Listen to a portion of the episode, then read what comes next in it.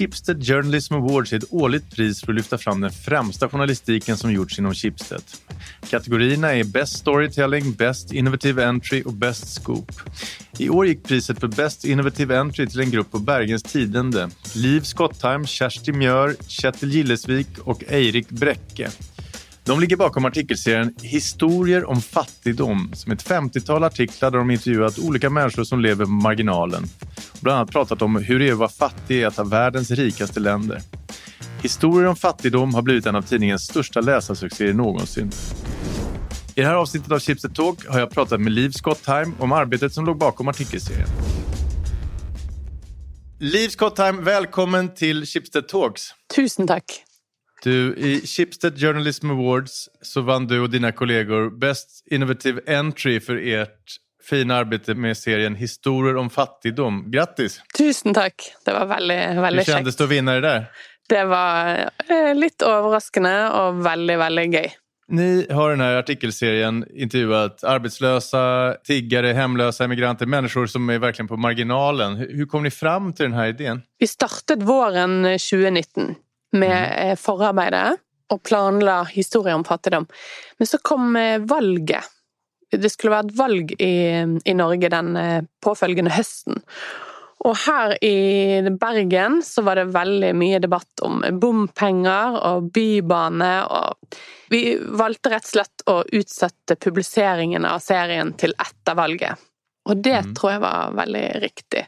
For oppmerksomheten til temaet. Og det som var tanken bak eh, å lage en sånn serie, var jo at fattigdom når man diskuterer fattigdom i mediene, så er det ofte litt over hodene på de det gjelder. Altså det er forskere, det er Mm. politikere, det er eksperter sånn, som snakker om de fattige. Mens vi hadde lyst til å belyse den skjulte fattigdommen i Norge, og la stemmene til de, som- de det gjelder, få lov å komme til orde, og at de skulle fortelle hvor belastende og stressende og vondt det er å være fattig i verdens rikeste land. Där är en intressant fråga, tycker jag. Norge är ett av verdens rikaste länder. Gör det fattigdom extra skamligt? Det var det de fortalte. At uh, s- skyldsfølelse og skam, det var noe som preget de. Fordi de tenkte hva er galt med meg siden jeg ikke klarer meg i dette fantastiske landet med sant? Og, og liksom leve på utsiden av den skandinaviske, egentlig, velferden. Det oppleves som skamfullt.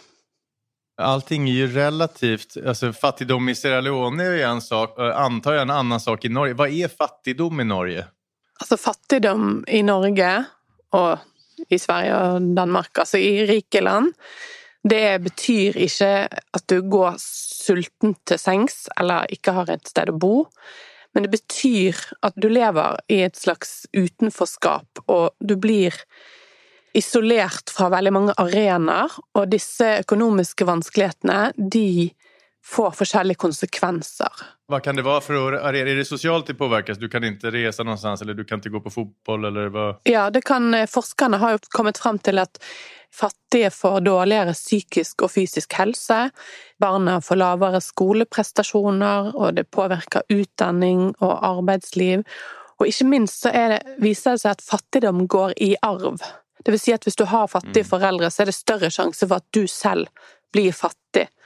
Så har de også funnet ut at foreldrerollen blir vanskeligere, fordi man er sikkert så bekymret og stresset, så blir man sintere og mer Det er mer utfordrende å være mamma og pappa i en eh, familie med det som forskerne kaller vedvarende lav inntekt. Når vi snakker om fattigdom her, det er målbart økonomisk. Altså, det, da er du under en viss grense over tid.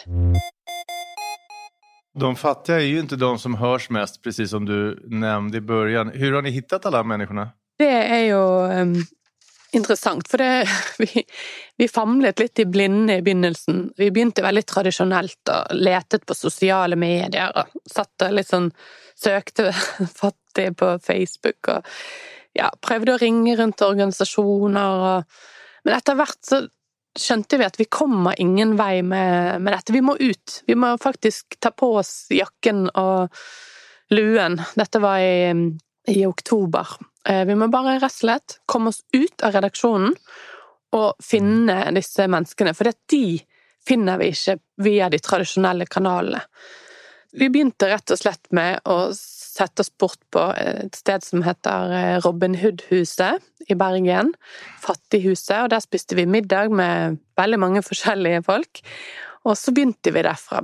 Tok oss god tid og drakk kaffe. Og ja, vi dukket opp på veldig mange ulike sånne fattige sammenkomster eller gratis middager i kirker. og Vi måtte rett og slett ut og gjøre feltarbeid. Klassisk journalistisk arbeid? helt enkelt. Ja, egentlig så, så, er det jo det som er det tradisjonelle, egentlig.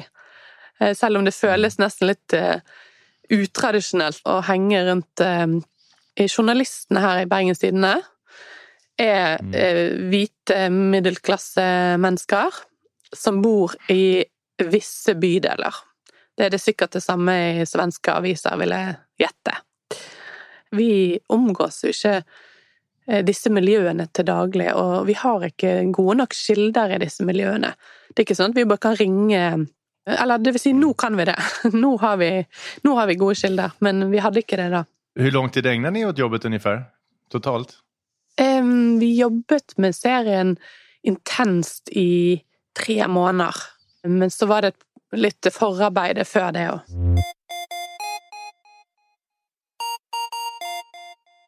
Det är en och en halv miljon läsare på nätet såg jag. Ni har prisats för det. Vad, vad är det som läsarna har, har tyckt så mycket om? Vad var det som ni liksom fikk fatt i det her, tror du?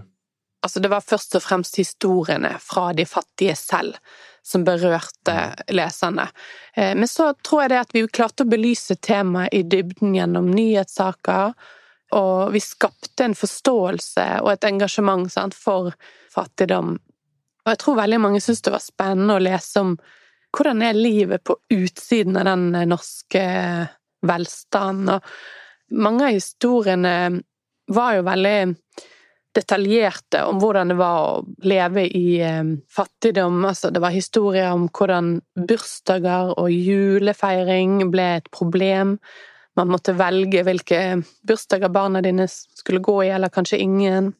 Det var sånn veldig konkrete eksempler. Sant? Altså hvordan en alenemor skrudde ned varmen i, i huset og tok på ungene masse ullklær for å spare på strøm. Vannet ut sjampoen, spiste bare den billigste maten. Altså, hun som jeg snakker om nå, den historien, hun var jo i jobb, men i mm. veldig lavtlønnet yrke, med aleneansvar for to barn og ingen foreldre i livet som kunne mm. hjelpe, sant? og ingen ekspartner som kunne hjelpe. Og da det tror jeg leserne skjønte at det der kan jo skje alle. Det kan jo kunne vært meg. Hva er din bestående følelse kring fattigdom, eller norsk fattigdom, etter å ha gjort denne artikkelserien? Hva, hva, har du gjort for liksom egne learnings, så å si? Jeg må si at jeg har blitt mye mer bevisst selv at litt mer sånn ydmyk overfor at mm. ikke alle har så mye penger. Og jeg merker det litt når jeg snakker om Altså nå i korona er det jo ikke noe snakk om feriereiser, så det eh, er jo ikke tema. Men, men jeg merker at i tiden etter prosjektet så ble jeg mer bevisst selv. For eksempel vi skulle ha en innsamling av penger i, i klassen til min datter. Og da mm. valgte jeg å, å, skru det beløpet veldig lavt ned. Sant? Det var blomster til en lærer. Men liksom være liksom mer sånn ydmyk for at for noen så er faktisk en 50-lapp, altså 50 kroner, det kan faktisk være nok til å ødelegge et, ukes, et veldig stramt ukesbudsjett. Ja, jeg, jeg føler at jeg er blitt litt mer bevisst.